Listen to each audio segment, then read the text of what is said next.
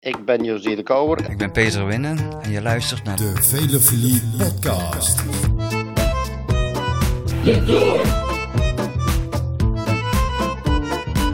Oh là là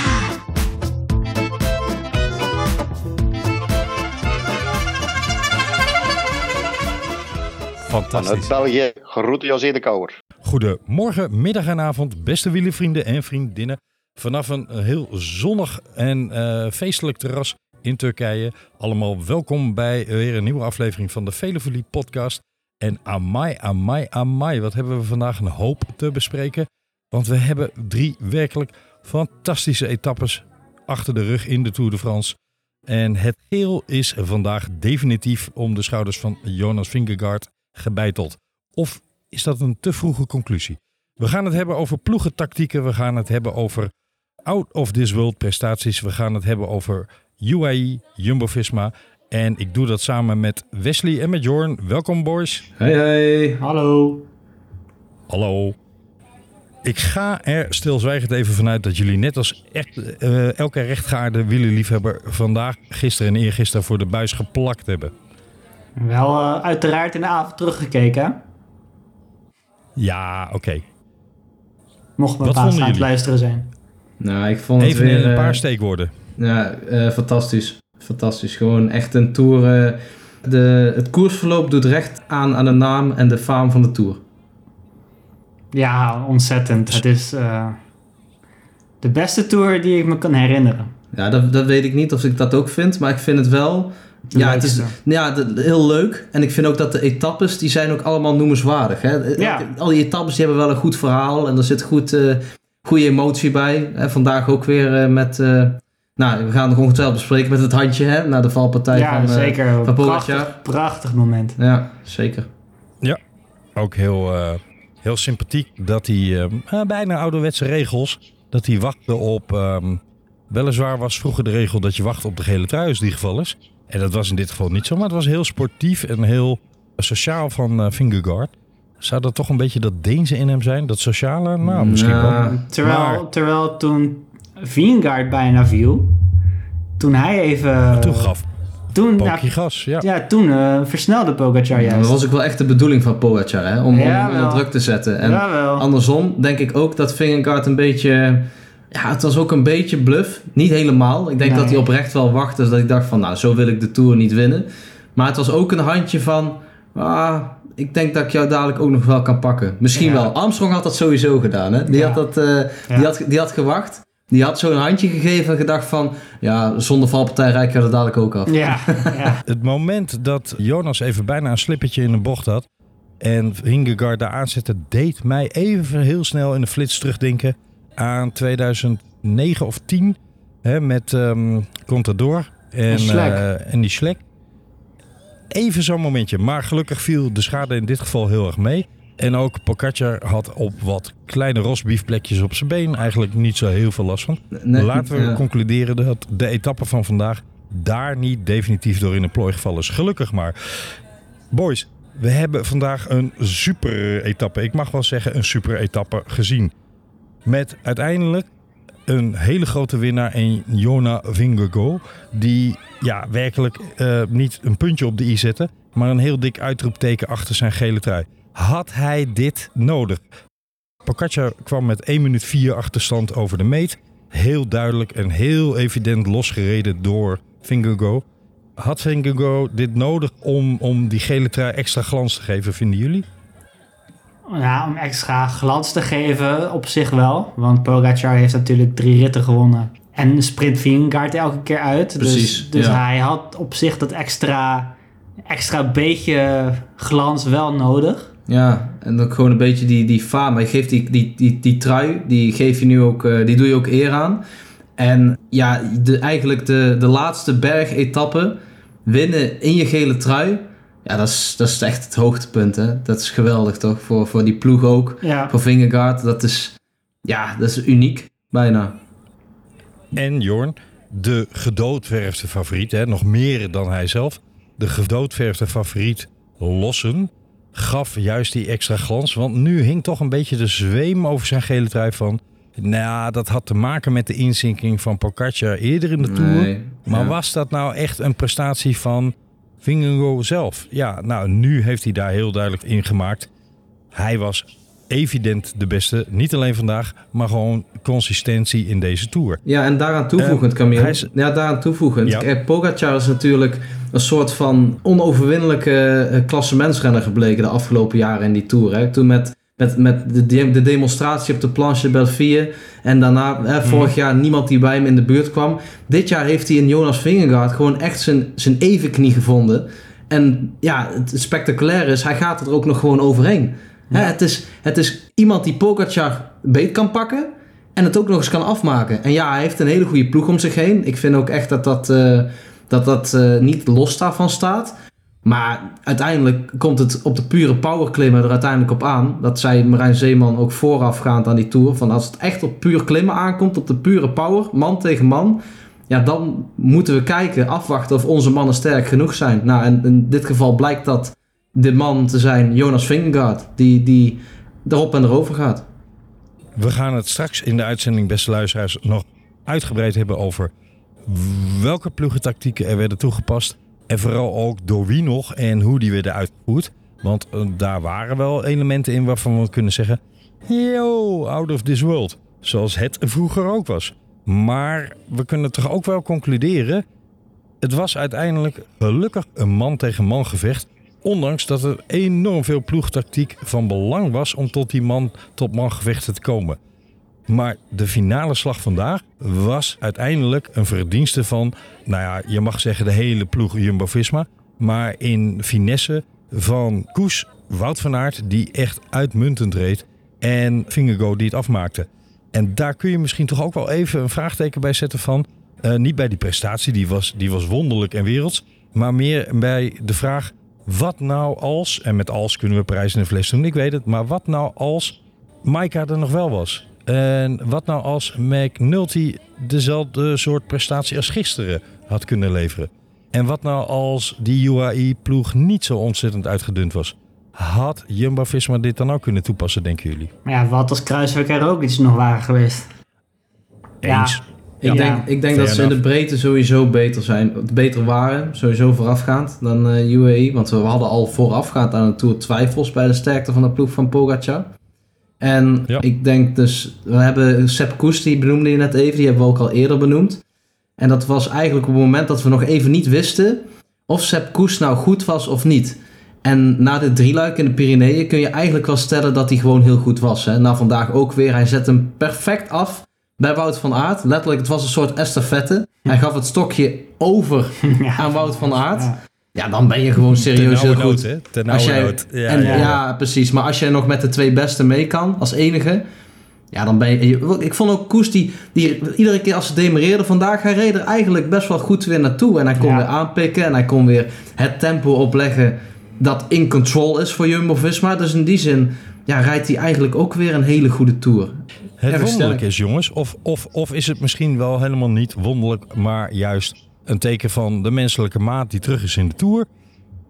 Maar het wonderlijk is, we hebben drie dagen in de Pyreneeën achter de rug en we mogen die drie dagen eigenlijk verdelen in een dag Jumbo-Visma, een dag totaal geen Jumbo-Visma, maar juist een ongelofelijke UAE-dag en weer een dag Jumbo-Visma waarbij UAE eigenlijk weer nergens te zien was. De inconsistentie daarin is opvallend. Ook het uitmuntende presteren van UAE in die twee, tussen die twee Jumbo-Visma-dagen in. Maar ook een Wout van Aert rijdt toch ja, bijna absurd, jongens. Hoe goed is die man? Ja, dat is echt ongekend. Gisteren loste hij best snel. Het leek me niet dat hij helemaal stuk zat. Het, het leek er meer op dat hij het wel liet gaan. Maar het niveau dat hij vandaag laat zien, dat is, dat is ongekend. Hij rijdt de, de, de ene laatste goal rijdt hij gewoon bijna in zijn eentje op kop. En ik denk dat is dan om op de top te wachten. Wat ze eigenlijk de hele tour hebben gedaan. Ja. Nou, hij gaat de afdaling in en dan op de laatste call gaat hij met, eh, op Autocam gaat hij met eh, Felipe Martinez en Thibaut Pinot, twee renners waarvan je verwacht, nou die kunnen podium rijden. Gaat hij gewoon, eh, is hij beter? Is hij beter dan die twee topklimmers? Dus ik, ik, ik ben ervan overtuigd dat Van Aert op een dag echt 100% voor een klassement gaat. Want hij gaat het, hij gaat het zichzelf ook beseffen dat hij dit, eh, dat, dat, hij dit gewoon kan. We kunnen even een, ehm, een vraag zetten bij. Wat was Wout van Aert aan het doen? Was dit onderdeel van de ploegentactiek? Of was dit gaan voor de bergtrui en nog een ritoverwinning? Het leek uiteindelijk allemaal uitgekiend spel. Waarbij in eh, diverse volgorde Nathan van Hooydonk en eh, daarna onze Franse vriend Laporte. En daarna Kuus. En daarna, eh, ik sla er eentje over. Hè? Wie sla ik over, jongens? Benoot. Benoot, ja. Uh, Die Ties zat Benoot. uiteindelijk ook mee. Ja, Ties Benoot, uiteraard. En, en daarna eh Sepp Kuus als taak hadden om als een soort van... Nou, dit mag je niet eens een dieseltrein noemen. Dit was gewoon een sneltrein. Die bergen over te rammen. En uiteindelijk Wout van Aert in de kopgroep vooruit als springplank te gebruiken. Lange tijd leek het erop dat Daniel Felipe Martinez de grootst mogelijke moeite had om nadat Pinot gelost was. Het kopgroepje in de etappe bestond uit Van Aert, Pinot en Daniel Felipe Martinez. En dat Wout van Aert ja, eigenlijk op weg was naar een etappeoverwinning, omdat Martinez er eigenlijk aanhing. Die, die had niks over, dat kon je heel duidelijk zien.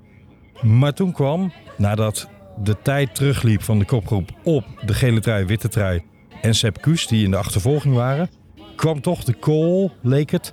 Wout, laat je maar inzakken, want eh, dit gaat niet meer over etappenwinst. Mm, Ik ben het hier niet helemaal mee eens, Camille. Zeg maar Nou, met deze omschrijving. Laat zien. Nou, Ja.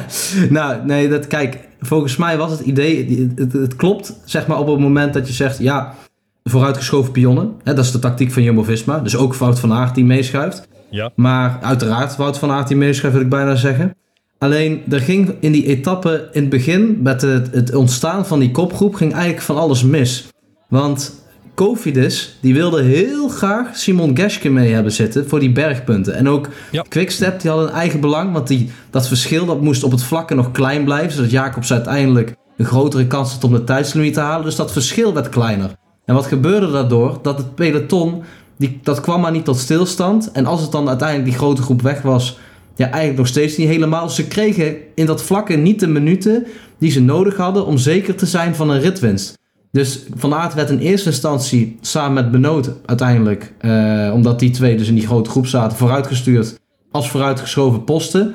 Was het idee om uiteindelijk ook nog te kunnen winnen? Ja, dat had gekund, maar dat was volgens mij nog altijd ondergeschikt aan eh, het belang om vooruitgeschoven te zijn voor Vingegaard. Mochten zij wel die minuten hebben gehad, dan had Van, van denk ik gewoon gewonnen. Ja, maar dan zeg je dus eigenlijk hetzelfde. Namelijk dat het eh, twee doelen had, die aanwezigheid van vanuit in de kopgroep. Namelijk en een soort vooruitgeschoven, meest vooruitgeschoven post zijn voor de Jumbo-trein. En toch kijken of daar eventueel een etappewinst en daarbij komend per ongeluk ook nog een bolletrui te rapen was. Ja, maar Ja, het werd al vrij snel. Jawel, alleen de kans dat Van Aert dat ging volhouden met dat beperkte aantal eh, minuten dat ze kregen, Ja, dat was al volgens mij vrij snel duidelijk. Snap je? Ja. Dus dan hink je toch steeds meer op de gedachte, ja, dan maar vooruitgeschoven. Hij probeerde het nog heel lang. Je zag ook echt dat hij, ja, dat hij ook wel voor die ritwinst ging. Maar op een gegeven moment, dat verschil was al zo klein. Dan is het ook niet meer realistisch, denk ik, als die twee eraan komen. En die twee zijn wel hetzelfde, Pogacar en, en Vingegaard. Ik denk wel dat wanneer Van Aert er was ingeslaagd om Martinez te lossen, dat dan Jumbo-Visma misschien nog wel wat gas terug had genomen met Sepp Koes en Van Ja, en, dat eh, denk ik ook. En Pogacar en Vingegaard. Ja. Omdat ze nu dachten, ja, maar als we Van Aert laten rijden met Martinez, misschien wordt hij wel geklopt. Dus dat gaan we dan niet doen. Dat, dat klopt, ja. Ja, ja, ja. En ja, dat lukte. Van, je zag eigenlijk wel dat Van Aert aan het proberen was met een paar versnellingen, een paar, Ja, paar maar- demarages. Maar, maar nogmaals, als ze in het begin die, die, die Covidis jongens niet dat gat zo kort hadden gehouden, dan had Van Aert hier altijd gewonnen. Altijd. Want dan hadden ze minuten gekregen op het begin. Ja. Op een gegeven moment viel het stil. En toen ging toch weer Covidis rijden. Ik vind het altijd een vrij frustrerend gezicht. Als zo'n kopgroep eindelijk Ja. ontstaat, dan nee, die hebben de boot gemist. En Ja. weer rijden. En dan op- komt er weer geen kopgroep. Dat is voor de jongens die dan zo'n zo'n dag moeten overleven ook echt verschrikkelijk. Ja. Maar goed, uiteindelijk eh, ging, ik- lukte het dus wel. Want Geschke had echt een, ja, een behoorlijk slechte dag. Dus die ging die bolletrui toch niet winnen. En konden ze ja, toch minuten pakken. Maar niet genoeg. Want het kwaad was al geschied. Want ze zaten inmiddels al op de Obisk. Dus toen werd het lastig. Het is wat dat betreft, Jorn, een herhaling van zitten. Hè? Dat hebben we de afgelopen jaren vaker gezien. Met bolletjestruien die lang door iemand gedragen werden. Of iemand die daar lang een kleine voorsprong in had. En in de beslissende dagen valt dan gewoon de slag. En dan, eh, dan is het toch weer aan de big boys, zullen we maar zeggen. Ehm, het, is, het is al lang geen troostprijs meer, hè, die bolletjestrui. Maar dat even terzijde. Ik wil even terug naar Wout van Aert. Want op het moment dat de voorsprong van Daniel Felipe Martinez en Wout van Aert aan teruglopen was... omdat het treintje Sepp Koes, Jona Vingegaard en Tadej Pogacar duidelijk evident harder reden... daar dacht ik eventjes, oké, dit is gewoon binnen de, de mogelijkheden van Wout van Aert. Het is al mega knap dat de groene trui bij de vijf, zes beste klimmers in de Tour hoort in zulke etappes. Uniek, Niet elke, uniek. Dat zie je, elke dat, dat zie je etappe. nooit. Nee. Niet, niet elke etappe, maar zeker een aantal zware in zowel de Alpen als in de Pyreneeën. Het deed mij terugdenken, want je ziet het heel af en toe wel. Het deed mij denken aan de tijden dat Sean Kelly in plaats van alleen nog maar sprinter omgevormd werd tot klassementsman. En daar een zeer degelijke top 10 in de Tour de France mee kon rijden. Eh, maar die tijden herleven een beetje met Wout van Aert. Maar het leek alsof hij op zijn maximum mogelijkheden aan het rijden was. En toen sloot dat groepje Sepp Koes, Pogacar en Vingegaard aan. En op dat moment zei Koes, nou alsjeblieft, hier is eh, inderdaad letterlijk dat estafette-stokje. Take it from here, Wout. En Wout dacht, ik ga de die gaszender wel eens even opendraaien. En dat vond ik wel zo buitengewoon uniek.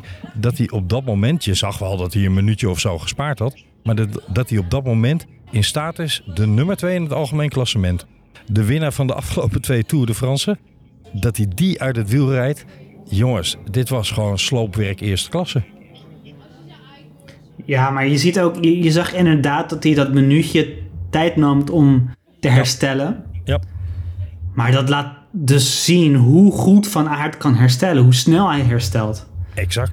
Dat, dat en, is hoe- echt. en wat hij daarna weer, meteen weer kan. Hè, hij blies Ja, zichzelf ook volledig op. Maar, maar Ja, even goed. natuurlijk. Ja. Maar hij Maar- kan ontzettend... Die, ik wil zijn data ook terugzien als in de wattage per kilogram. Want hij weegt natuurlijk een stukje meer dan die klimmers.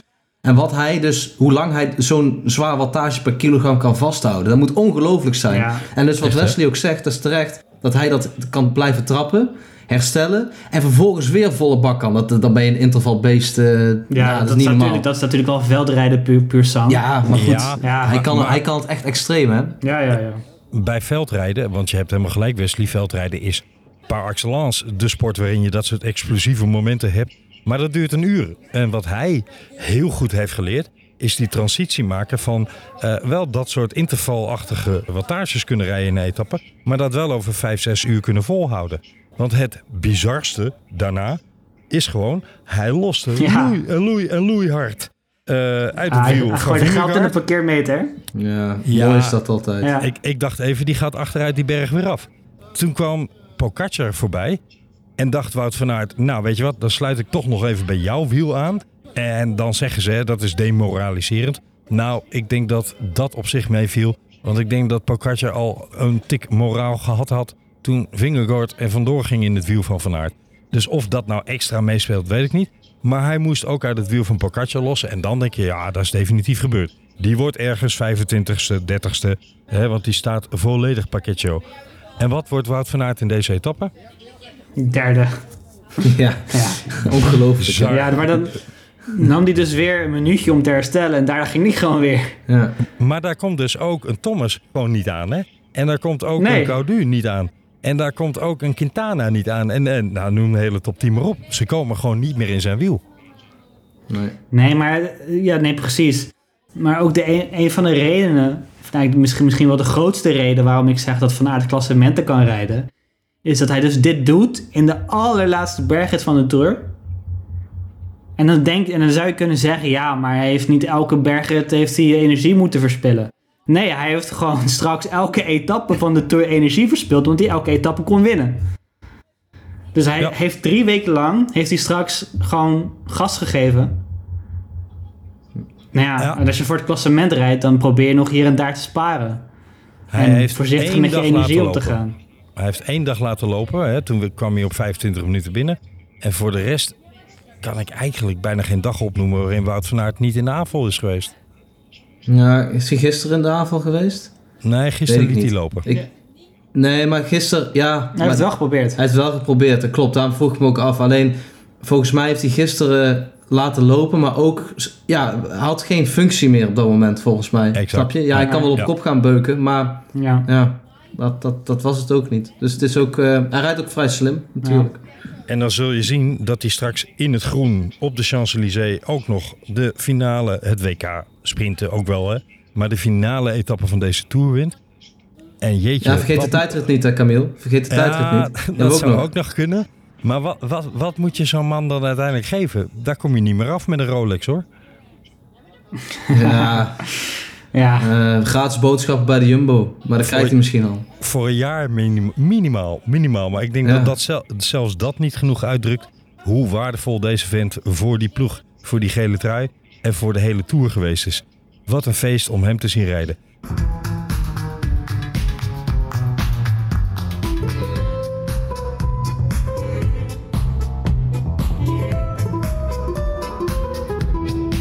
Even genoeg over Wout van Aert. Want het, het grappige is, en dit zal misschien elke luisteraar herkennen.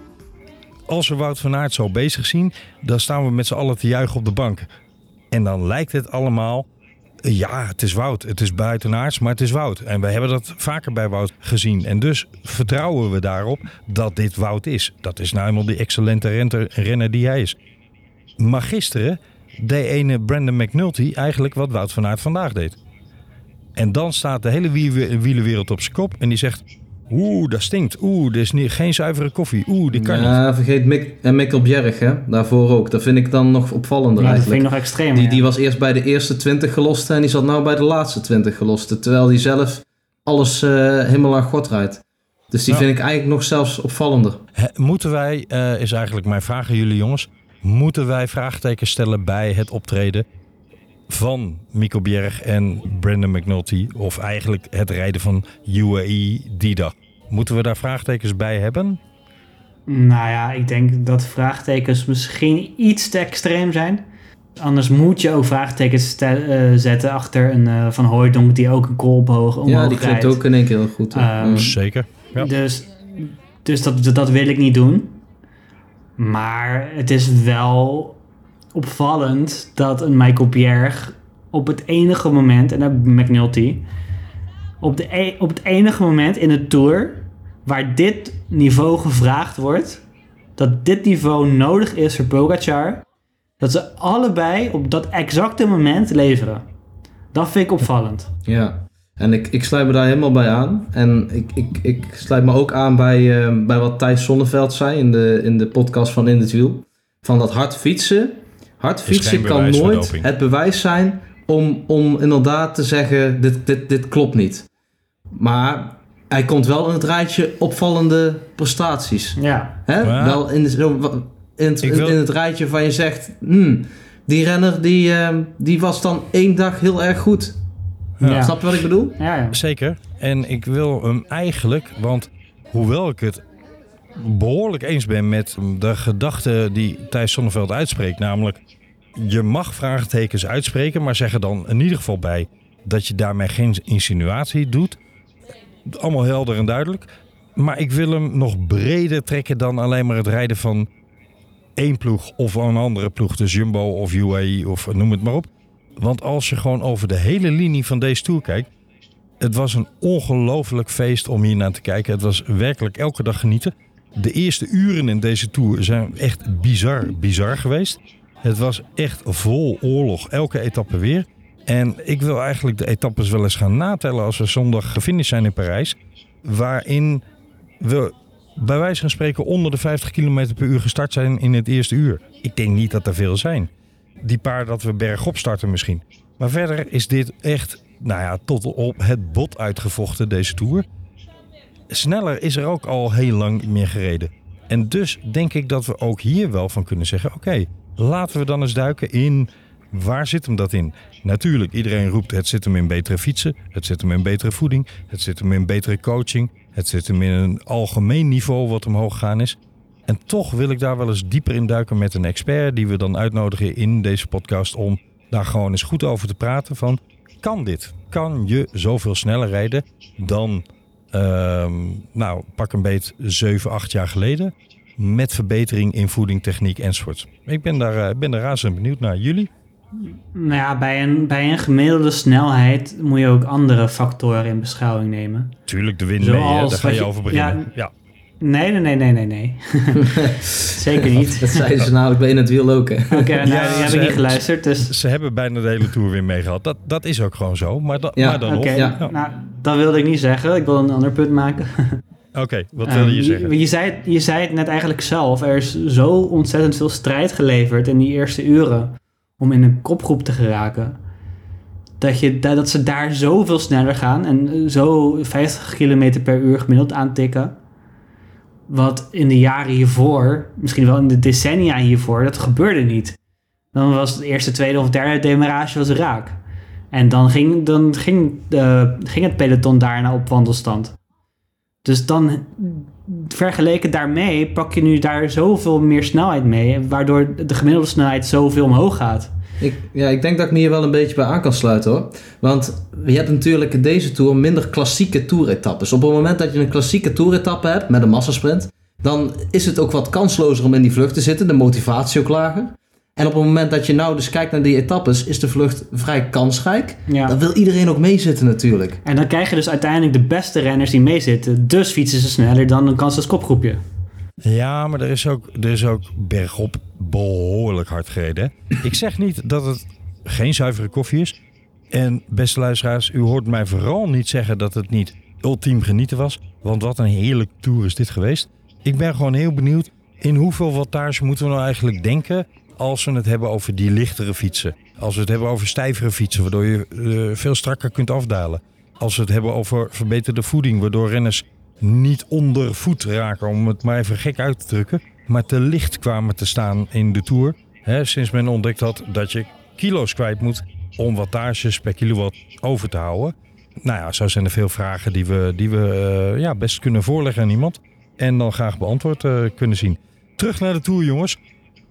Als jullie, we zijn nog niet in Parijs. Er moet nog een hoop gebeuren. En terecht zei Vingegaard in het flash-interview... Het is nog niet gedaan, ik wil me nog twee dagen focussen. Begin nog niet over dat ik hem gewonnen heb.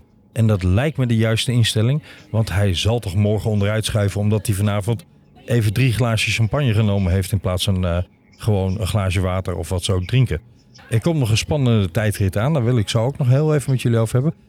Maar als jullie even nu een cijfer moeten geven aan deze Tour in zijn algemeenheid. En je moet op een Ja. schaal van 0 tot 10. 9. Ik zeg een 9,5. Toch iets hoger nog. Ja, ja, ja, ja. Ik denk dat ik me bij jou aansluit, Jorn. Ik vind het werkelijk de, de ja, in, in veel opzichten zo'n fantastische Tour. Dat dit zit wel bijna tegen perfectie aan, hoor. Dit, dit Ja, een 10, toont- kun, een 10 kun je niet geven hoor, Camille. Een 10 kun je niet Nee, geven. Dat, eh, dat, dat weet ik. Dan kan het nooit meer beter namelijk. Ik ben met je eens een 10 geef. Zelfs niet voor deze Tour. Maar het is werkelijk in alle opzichten een spannende, een leuke, een attractieve Tour geweest. Mensen hebben durven aanvallen. Mensen hebben bewust gekozen voor strijd. En ja, het wielrennen is hier de grote winnaar. Absoluut. Absoluut. Ik had, ik had denk ik een 10 gegeven als we ook nog een goede van de Poel hadden gehad.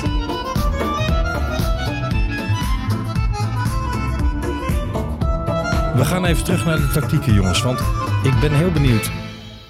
Als je nu van de twee ploegen, en dan nemen we even niet in ogenschouw eh, dat ze allebei renners verloren zijn en, en hoe belangrijk die renners waren. Als je het gewoon over de tactiek, over de hele tour tot nu toe, we zijn drie etappes voor Parijs, van zowel UAE als Jumbo-Visma moet hebben. Twee jaar geleden, die beroemde tour die Roglic verloor omdat, omdat op de Planche de Belleville ja, zo verwoestend uithaalde. Toen heeft iedereen geroepen, Jumbo-Visma heeft tactisch geblunderd. Ze hebben Pogacar in de zetel meegenomen en hem daarmee de mogelijkheid gegeven zich naar het geel te lanceren. Die prestatie, nou, die was ook wel buitengewoon uniek hoor. Dus het was niet evident zwart-wit, vind ik, dat Jumbo-Visma daar tactisch geblunderd had. Maar wij hebben voor deze Tour uitdrukkelijk uitgesproken in deze podcast... ze zullen het dit jaar anders moeten doen. Ze zullen dit jaar chaosmomenten moeten creëren. Ze zullen moeten zoeken naar een tactiek, een manier... om, als we het zo mogen noemen, de code Pogacar te kraken. Heeft Jumbo, ja ze hebben die code gekraakt... maar heeft Jumbo tactisch goed gereden, vinden jullie? Jumbo heeft uit- tactisch uitmuntend gereden. Het, het, is- het enige wat jammer is voor de kijker, is dat de eerste de beste uithaal van Jumbo ook gelijk uiteindelijk de Tour beslist heeft. Naar Granon bedoel je? Ja, Ja. dat was de eerste schaakzet die Jumbo deed. En het was ook gelijk klaar. In principe.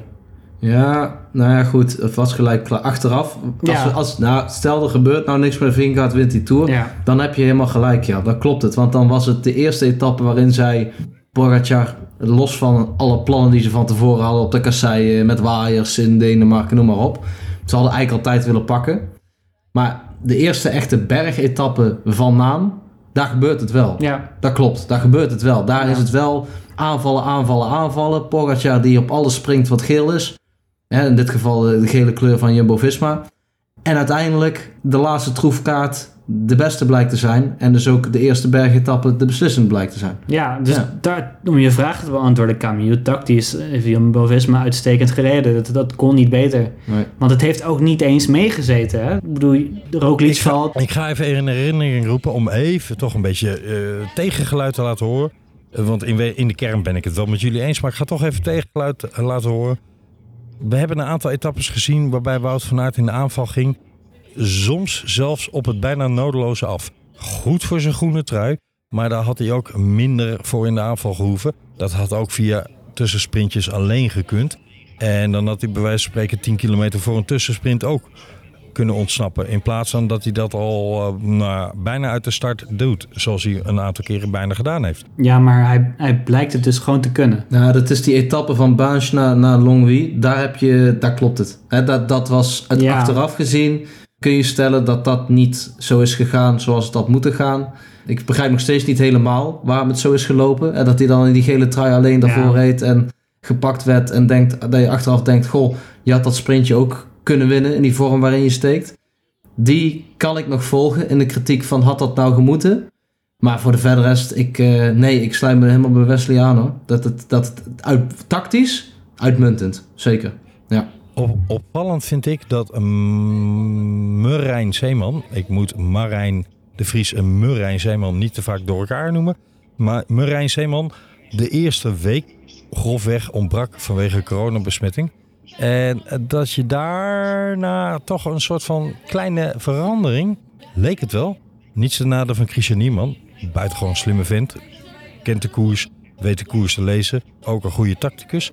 Maar toch lijkt het alsof de aanwezigheid van Marijn Zeeman wel degelijk invloed had in het totaalrijden van de ploeg. En grappig genoeg zie je bij UAE eigenlijk een beetje dat die hun tactische meester, die helaas sinds dit jaar niet meer in, uh, in het peloton rondrijdt uh, in de auto, ja, dat ze die heel hard gemist hebben. Het was hier en Alan daar bij Piper. Ellen Piper, absoluut. Dat was toch wel de, de, uh, de, de grootmaker van Tadej Pogacar's toeroverwinning. De eerste en zeker ook de tweede. Maar dit jaar vond ik het, het tactisch rijden van UAE niet zo heel sterk. Die hebben op sommige momenten ook lopen chasen en, en um, de achtervolging ingezet en de verantwoordelijkheid voor de etappe op zich genomen. Op momenten dat ik dacht, dat hebben jullie helemaal niet nodig. En sterker nog, dit lijkt wel averechts te werken. Wat, wat was het effect daarvan? Ja, die hebben inderdaad best wel de periode dat Pogacar de gele trui had. Hebben ze wel inderdaad heel veel energie verspild door inderdaad op de kopgroepen te jagen en een hoog tempo aan te houden waarvan je denkt van dat hoeft niet.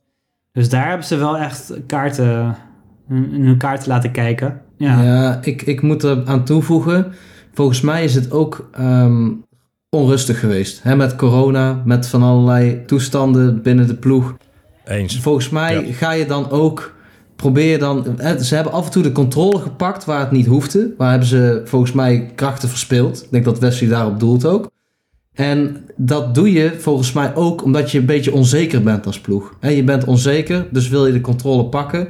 Heb je daar de mogelijkheden voor? Mm, niet helemaal. De renners waren niet allemaal in. eh, ja, of ze vielen weg door corona, of ze waren gewoon niet sterk genoeg om de koers echt goed te kunnen controleren. Nee. En daar, daar, daar is het volgens mij. Daar is het een beetje fout gegaan bij UAE. In inderdaad, in die periode dat Pogacar in het geel reed. En in de, in de afgelopen week, ja. eh, de mogelijkheden waren beperkt. En daar waar ze het moesten doen, ja, daar, daar deden ze het uiteindelijk wel. Dan in die etappe naar Peragude. Maar vandaag eh, was het dan weer eh, minder. En als je dan puur tactisch nog kijkt naar Pogacar zelf. De etappe naar de Granon, ja, dat hebben we net eigenlijk al besproken. Daar sprong die gewoon te veel en te vaak op de wielen van Jumbo-Visma. Terwijl die vooral Jonas Vingegaard in de gaten moest houden. Hè? Roglic die stond al achter op een paar minuten. En hij Ja. kan ook niet weten dat Roglic weg, later weg zou vallen in de Tour. Toch te veel last van zijn rug gaat krijgen. Maar hij heeft toen veel krachten verspeeld. En die etappe zakte hij er uiteindelijk wel doorheen. Dus je kunt inderdaad tactisch het een en ander aanmerken op UAE. Ja, zeker. Ik denk dat ze een hoop kunnen leren en kunnen meenemen uit deze Tour. Zodat hij volgend jaar weer sterker tevoorschijn komt. Ik vind wel, en we moeten absoluut een hele dikke pluim uitdelen aan Po- Tadej Pogacar. Want ja, dit Ja, is werkelijk zeker. een prachtig man tegen man duel geweest. Waarbij het zeker ook vandaag in de etappe nog naar Otekam een aantal keren toch heel erg leek van... Oké, hij gaat in de aanval. Wat wordt de uitslag van deze etappe? Niemand die vooraf had durven zeggen... Nou, evident dat Vingegaard beter is. Ik denk dat Nee. iedereen er rekening mee hield dat het of de ene kant op kon vallen of de andere kant. Hè? Ja, het was klopt, nog absoluut klopt. niet duidelijk van wie blinkt er hieruit. Ja, Camille, er was dus... Het is goed dat je dat zegt, want er was, er was één aanval vandaag bij Pogacar bij. Eentje, dat was volgens mij de laatste. Dat was echt all-out. Die, e- die eerste twee die plaats, daar, daar was een beetje, beetje aftasten nog. Een beetje, hè, beetje boksen, kijken waar de, hè, wat, wat hij doet. Maar er was één aanval bij, die was echt all-out. Hij had hem op een gaatje zitten. Maar toen denk ik ook, volgens mij zeiden ze op tv, Ducro, of volgens mij zei hij van... Ja, het kan ook wel lekker zijn, want je weet in ieder geval dat je hem op een gaatje hebt gekregen. Maar ik dacht, nou, volgens mij heeft Pogacar nou zoiets van... Poh, nu ben ik zo diep gegaan, heb ik zo'n aanval geplaatst. Dit was echt alles wat ik had. En hij, gaat, hij zit gewoon in mijn wiel. En niet, niet te lachen, maar hij zit er gewoon nog steeds in. Ik krijg hem niet los. En dat is volgens mij heel frustrerend geweest vandaag aan Pogacar. En dat vond ik een beslissend moment in de etappe.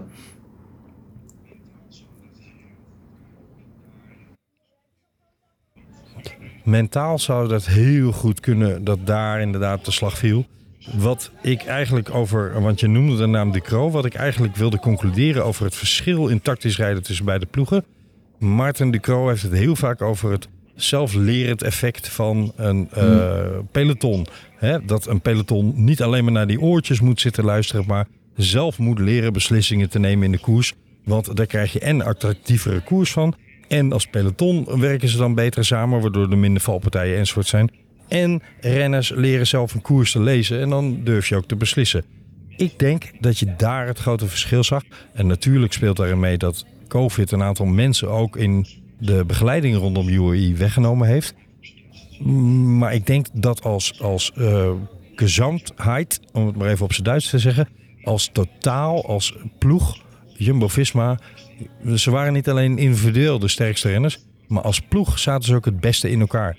En waar wij het een aantal keren, zowel vooraf als in de Tour, hebben gehad over... nou, misschien is het wel aan Ineos om deze Tour los te trekken. Ja, die zijn eigenlijk alleen maar langzaam uitgegaan als kaarsje. Applaus voor Thomas. Rijdt een heel knap podium. Buitengewoon goed. Was bij lange na niet in staat om ook maar een bedreiging te vormen voor Vingegaard en Pogacar. Maar is wel de best of the rest. Maar voor de rest moet Ineos toch even terug naar de tekentafel. En ik denk dat Tijmen Aresman mede daardoor volgend jaar best wel eens een hele belangrijke rol kan krijgen. Ja, en ik hoop ook dat hij dan onderdeel wordt van een aanvalsplan. Pitcock die viel, die viel aan, die won die etappe op Alpe d'Huez. Mooi. Vandaag Daniel Felipe Martinez. We hebben Van Baarle ook eerder gezien. Dus het is niet helemaal zo lafjes als het leek. Maar het was vooral... eh, Thomas, vandaag viel die heel even aan. Dat was een soort van... Prof, hij pro- probeert te profiteren van het feit dat Vingegaard en, en Pogacar eh, een, beetje, ja, een beetje stil vielen. Een beetje aan het aftasten waren. Maar die klassementsrenners Het vielen niet zo heel veel aan. in. Ja. maar die klassementsrenners vielen, vielen niet zo heel veel aan. Nee, kon ook niet. De rest wel. En ik hoop dus dat Aresman die ruimte ook gaat krijgen bij, eh, bij Ineos. En wat betreft Ineos, het heeft in deze tour niet aan hun instelling of tactiek gelegen. echt niet. nee klopt. Ze waren gewoon niet goed genoeg. Niet goed genoeg om Pogacar en Vingegaard te bedreigen. En dat heeft echt niet aan tactiek gelegen. Had Bernal dat wel gekund, denk jij, Wes? De beste Bernal, die kan echt mee met Vingegaard en Pogacar, denk Ja, ik. dat denk ik dus ook. Ik Ja. vind het jammer dat die jongen niet jongens. Maar eh, gelijk hebben jullie dat Benal eh, in zijn, nou, laten we zeggen, 2019 vorm misschien wel in de buurt was gekomen of op gelijke hoogte had gestaan met Vingegaard en Pogacar. Alleen als ploeg, en juist die ploeg bij Jumbo-Visma is zo essentieel geweest voor die gele trui. Als ploeg viel Ineos gewoon door de mand. Van Baarle had individueel een aantal hele goede prestaties. Pitcock, ja, liet evident zien dat het een ster... Nou, ik wilde zeggen geen wording, maar dat het een ster is. Eh, en dat dat in de breedte gewoon een fantastische renner is. En nog veel verder gaat worden. Maar als ploeg stond Ineos helemaal nergens. Castro Viejo niet gezien. En zo zijn er meer. En eigenlijk, Yates had eh, last van eh, zijn longen, geloof ik. Daniel Felipe Martinez, idem aan het begin van de Tour. Hè, dus daar heeft ze ook niet meegezeten. Maar daar had ook Jumbo last van. En daar had ook UAE last van. Als ploeg heeft Ineos de Tour absoluut niet kunnen dragen. Ja, en dat is mij toch een beetje tegengevallen. Daar moeten ze ook echt nog wel eh, terug naar de tekentafel voor. Ik vind dat dus wel meevallen Ja. eigenlijk. Eh, Je, je rekent ze nu echt af als team. Maar daar, het heeft nergens aan gelegen, anders dan het feit dat ze gewoon niet goed genoeg waren. Ik bedoel, Ja, als, je- als maar je- dat is toch Ineos onwaardig, zeg maar? De, de Mm, winnaar nou ja. van eh, zeven van de laatste negen Tour de France. Ja, maar hun beste renner ontbreekt. De, de, hun kopman ontbreekt. Dus ik, Eens. ja, ik vind het wel. Is dat, Ik, ik, ze kunnen er weinig aan doen. En Felipe Martinez vind ik niet dat je de druk in zijn schoenen mag schuiven dat hij even met Pogacar en Vingegaard mee kan. Dat heeft hij nog nooit laten zien. nou, dat, Kortere dat, ze kunnen er weinig aan doen. Dat ben ik dan weer niet met jou eens, Wesley. Want als je bedenkt dat ze een zeer ruim budget hebben... en nog steeds de rijkste ploeg zijn die er rondrijdt... dan kunnen ze daar dus wellicht wel wat aan doen. En hebben ze gewoon de verkeerde mensen in de ploeg zitten. Dat moet je concluderen. Dus ze moeten terug naar de tekentafel. Na de valpartij Ehm, van Bernal ze wil ik- ook geen andere renner meer kunnen aantrekken natuurlijk. Nee, dat is zo. Dat is zo. Maar Ja. ze, had- Maar goed, voor volgend Ja. jaar ze hadden misschien al eerder kunnen Voor doorselecteren. volgend jaar zullen ze toch moeten nadenken over wie de kopmannen zijn en hoe ze die gaan inzetten en met welke ploeggenoten. Ik wil nog even iemand noemen die gisteren in de Pyreneeën zijn ongehoord stinkende best deed en, en liet zien. Excuseer mijn Frans, beste luisteraars, maar dat hij over werkelijk stalen, maar misschien moeten we wel zeggen gouden kloten beschikt. En hij kwam op 16 seconden voor het sluiten van de deadline binnen. En werd daarbij hartstochtelijk door en het publiek en zijn ploegleiders en zijn ploeggenoten aangemoedigd. En dan heb ik het natuurlijk over Ja, Fabio. Fabio Jacobsen. En waar we ooit Kenny van Hummel bijna belachelijk maakten met het feit dat hij consequent achteraan reed en de slechtste krimpeur genoemd werd door L'Equipe, was dit gisteren toch wel zo schitterend om te zien in het hele verhaal van Fabio Jacobsen. Laatste man in koers, al zijn ploeggenoten vooruitgestuurd. Maar die hele ploeg stond als één man achter Jacobsen. En het was vooral prachtig om te zien. Ik weet niet of jullie het interviewtje gezien hebben. Och, verdorie, Florian? Seneschal. Ja, Seneschal. heel goed. Ja. Ik, ik, ik- Florian Seneschal is echt... Die, de- dat interview wat je zag achteraf, dat was tranentrekkend. Echt ongelooflijk. En dat bedoel ik in de positieve zin van het woord. Hè. Het is... Ja, ik bedoel... Die ploeg die heeft vaak... ehm, hè, met de uitspraken van Patrick Lefevre niet echt in een heel mooi daglicht gestaan. Maar nu... Dit, ze staan er wel echt als team. Hè? Die jongens die, die moedigen hem aan van kom op, het is toch een paar, hè, nog een paar meter. Je gaat die Champs-Élysées halen en sprinten voor de winst ook nog. Ja. Hè? Dat, dat is waarom zij iedere dag met de hele ploeg bij Fabio Jacobsen blijven. Vandaag ook. De hele ploeg eindigt onderaan in de ranglijst. Gewoon om bij hem te blijven. En ze staan als één blok achter hem. En ja, Seneschal is dan in het bijzonder een, een, een, ja, een, een, een, eh, een bijzondere eh, collega van, van Jacobs. Omdat hij, degene, omdat hij degene was die hem als eerste in zijn, eh, ja, in zijn handen had Ja. of kreeg bij die verschrikkelijke valpartijen. Ja. En, die, Ja. en die herinneringen kwamen weer helemaal boven. En ja, ik vind het dat ik. Stiekem was dat toch wel een van de hoogtepunten van deze tour. Hè? Dat het wel op tijd Absoluut. binnenkomen van, Ja. eh, van Jacobsen. en ook hoe daar die heb jij net heel- tegen ja. dat hek lag. Hè? Oh, schitterend om te zien. Ja, Ehm, precies. De, de Calibier is niet mijn maat, zei hij. En Seneschal is wel zijn maat.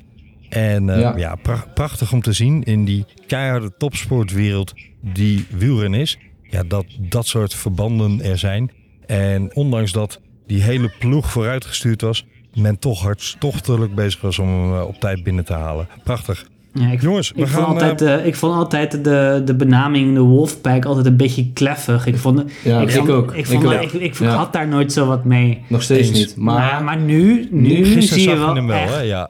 ja, Ja, dat gisteren wel. het- gisteren had, ja. had hij echt, die, droegen ze die naam eer aan. Ja. Ik ben, voor de rest ben ik het helemaal eens met Wesley hoor. Ja, nu vond ik het echt mooi. En dan zag je echt dat, dat ze echt van elkaar houden. Op een bepaalde manier. Nou, dan- nu accepteer ik de bijnaam. Ja, eens. Het was prachtig om te zien.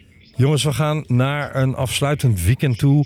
Waarin ik heel erg gehoopt had op een mega ultra spannende tijdrit. Maar zo spannend is die niet meer. Want als we even gewoon het klassement erbij pakken en die tijden opnoemen. Dan schrik je je eigenlijk een ongeluk. Naar het slagveld, het bloedbad dat de etappe naar Otekam opgeleverd heeft. We hebben uiteraard Jonas Wingegaard in het geel. We hebben Tadej Pogacar als best of the rest op 3 minuut 26. We hebben Geraint Thomas Geraint op eh, het podium, namelijk op de derde plek, op 8 minuten. Ja, daar ga je al hè. Acht Wat zegt minuten, Camille. Op 8 Acht minuten. minuten. Ga nog een keer halen. Acht minuten voor de derde plek. Dan hebben we de nummer 4, Gaudu, die een, een, een uitmuntende tour rijdt. Hè? Beste tour ooit voor hem. Staat op 11 minuut 5. 11 minuut 5. En dan zitten we nog niet eens op een volledige top 5. Nairo Quintana sluit die top 5 op dit moment af. En we zitten dus voor de tijdrit. En die staat op 13 minuut 35. Louis Mijntjes rijdt een fantastische. En Heel knap. Heel knap. daar, eh, daar mag Wanty Goubert echt ontzettend blij mee zijn. Die hele ploeg rijdt als een tierenlier. En ja, daar blijven ze gewoon ver voor maken. Ik wil zo graag een keer iemand van de ploeg daarover over spreken in de uitzending. Gaan we zeker regelen. Louis Mijntje staat desondanks op 13 minuten 43. Alexander Vlaashoff, waarvan we van tevoren zeiden... dat zou wel eens een grote uitdaging kunnen zijn. Heeft natuurlijk het een en ander aan tegenslag gehad aan het begin Ja. van de Tour. Klopt. Maar staat op 14 minuut 10 op plek 7. Bardet staat op 8 op 16 minuut 11. Lutsenko, die rijdt toch wel een aardige tour. Niet wat hij zelf in de wintergroep had. Goede derde week. Rijdt, Ja, rijdt hele toch goede eh, week. eh, rijdt er zeker een goede week. Staat negende op 20 minuut 9. En Yates, waarvan van tevoren toch een beetje de vraag was... houdt hij dat in vredesnaam dit keer wel drie weken vol? Maar het is toch wel een klasserenner? Die staat op 20 minuut 17 op plek 10. Dit, dit is een slagveld. Jongens, dit zijn Eddy Merckx tijden. En dan bedoel ik de tijden, Ja. de achterstanden. Hè? Precies. Amai. Ik kijk ook even naar plek 11 nog. Enric Mas, 24 minuut 8. Dat is Enric Mas, hè? Dat is Ja. de klimmer van Movistar. Ja, 24 minuten. Het is Ja. bizar. Het is echt bizar wat deze Tour de France allemaal aan cijfers oplevert. En we zijn er nog niet eens. Er komt nog een schitterend weekend aan. Weliswaar wordt het sprinten, sprinten en tijdrijden. Maar ik ben toch heel benieuwd wie van de twee alfamannetjes in deze Tour... en dan heb ik het over Tadej Pogacar en uiteraard Jona Vingegaard. En misschien op de achtergrond een Thomas die toch nog eventjes een puntje achter zijn... eh, of een uitroepteken achter zijn Tour wil zetten. Wat die met elkaar gaan uitvechten in deze tijdrit.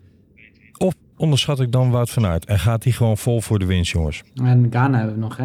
Ja, denk je? Ja, en ik, ik denk dat het parcours wel echt op het lijf geschreven is van Van Aert. Met die twee eh, hupjes op het einde. Ja, korte hupjes. Ja, Ja, dat ligt Ja. hem wel. ja, dus ik denk, Van Aert gaat denk ik wel... Ja, Van Aert kan elke dag winnen, dus...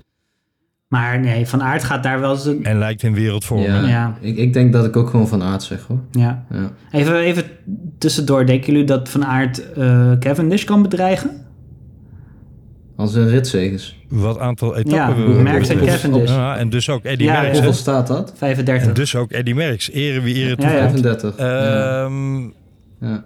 Op hoeveel staat hij nu? mm, Acht. dat, Acht nu. Ja, Ah, ja. hij heeft nog een lange weg te gaan hè. ja. dat ligt aan Wesley of Eddy Plankaart gelijk heeft.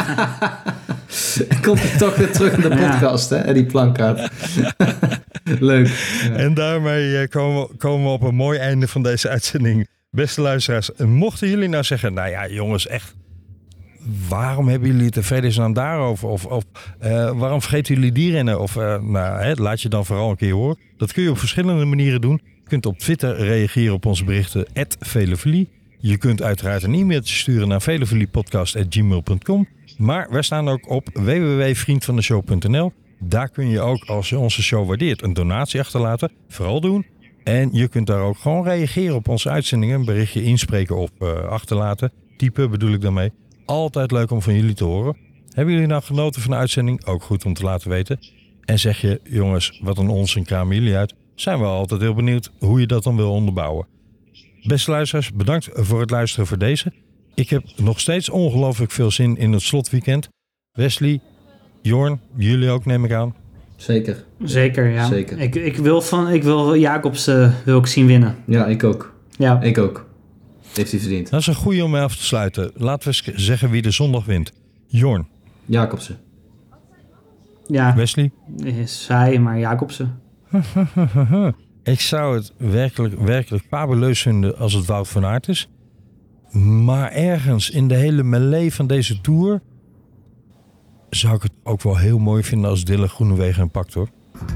Heel mooi. Ja, Ja, zeker. Het, zou ook het wordt één van de twee. oh, zou ook voor zijn gemoed erg goed zijn. We gaan het zien jongens. Ik ga er geen geld op zetten, dat is duidelijk. Wij melden ons beste luisteraars weer nadat we gefinished zijn in Parijs. En dan gaan we het nog eens uitgebreid over deze tour hebben. We gaan lekker terugkijken. We gaan nog bijzondere momenten een keer in het zonnetje zetten. En dat zijn er veel. En dan gaan we gewoon die tour langzaam maar zeker loslaten. Want voor je het weet, zijn we alweer op weg naar de Vuelta. Och, wat is net toch heerlijk. Bedankt voor het luisteren. En tot de volgende. Au revoir. A la próxima. Vota. Au revoir.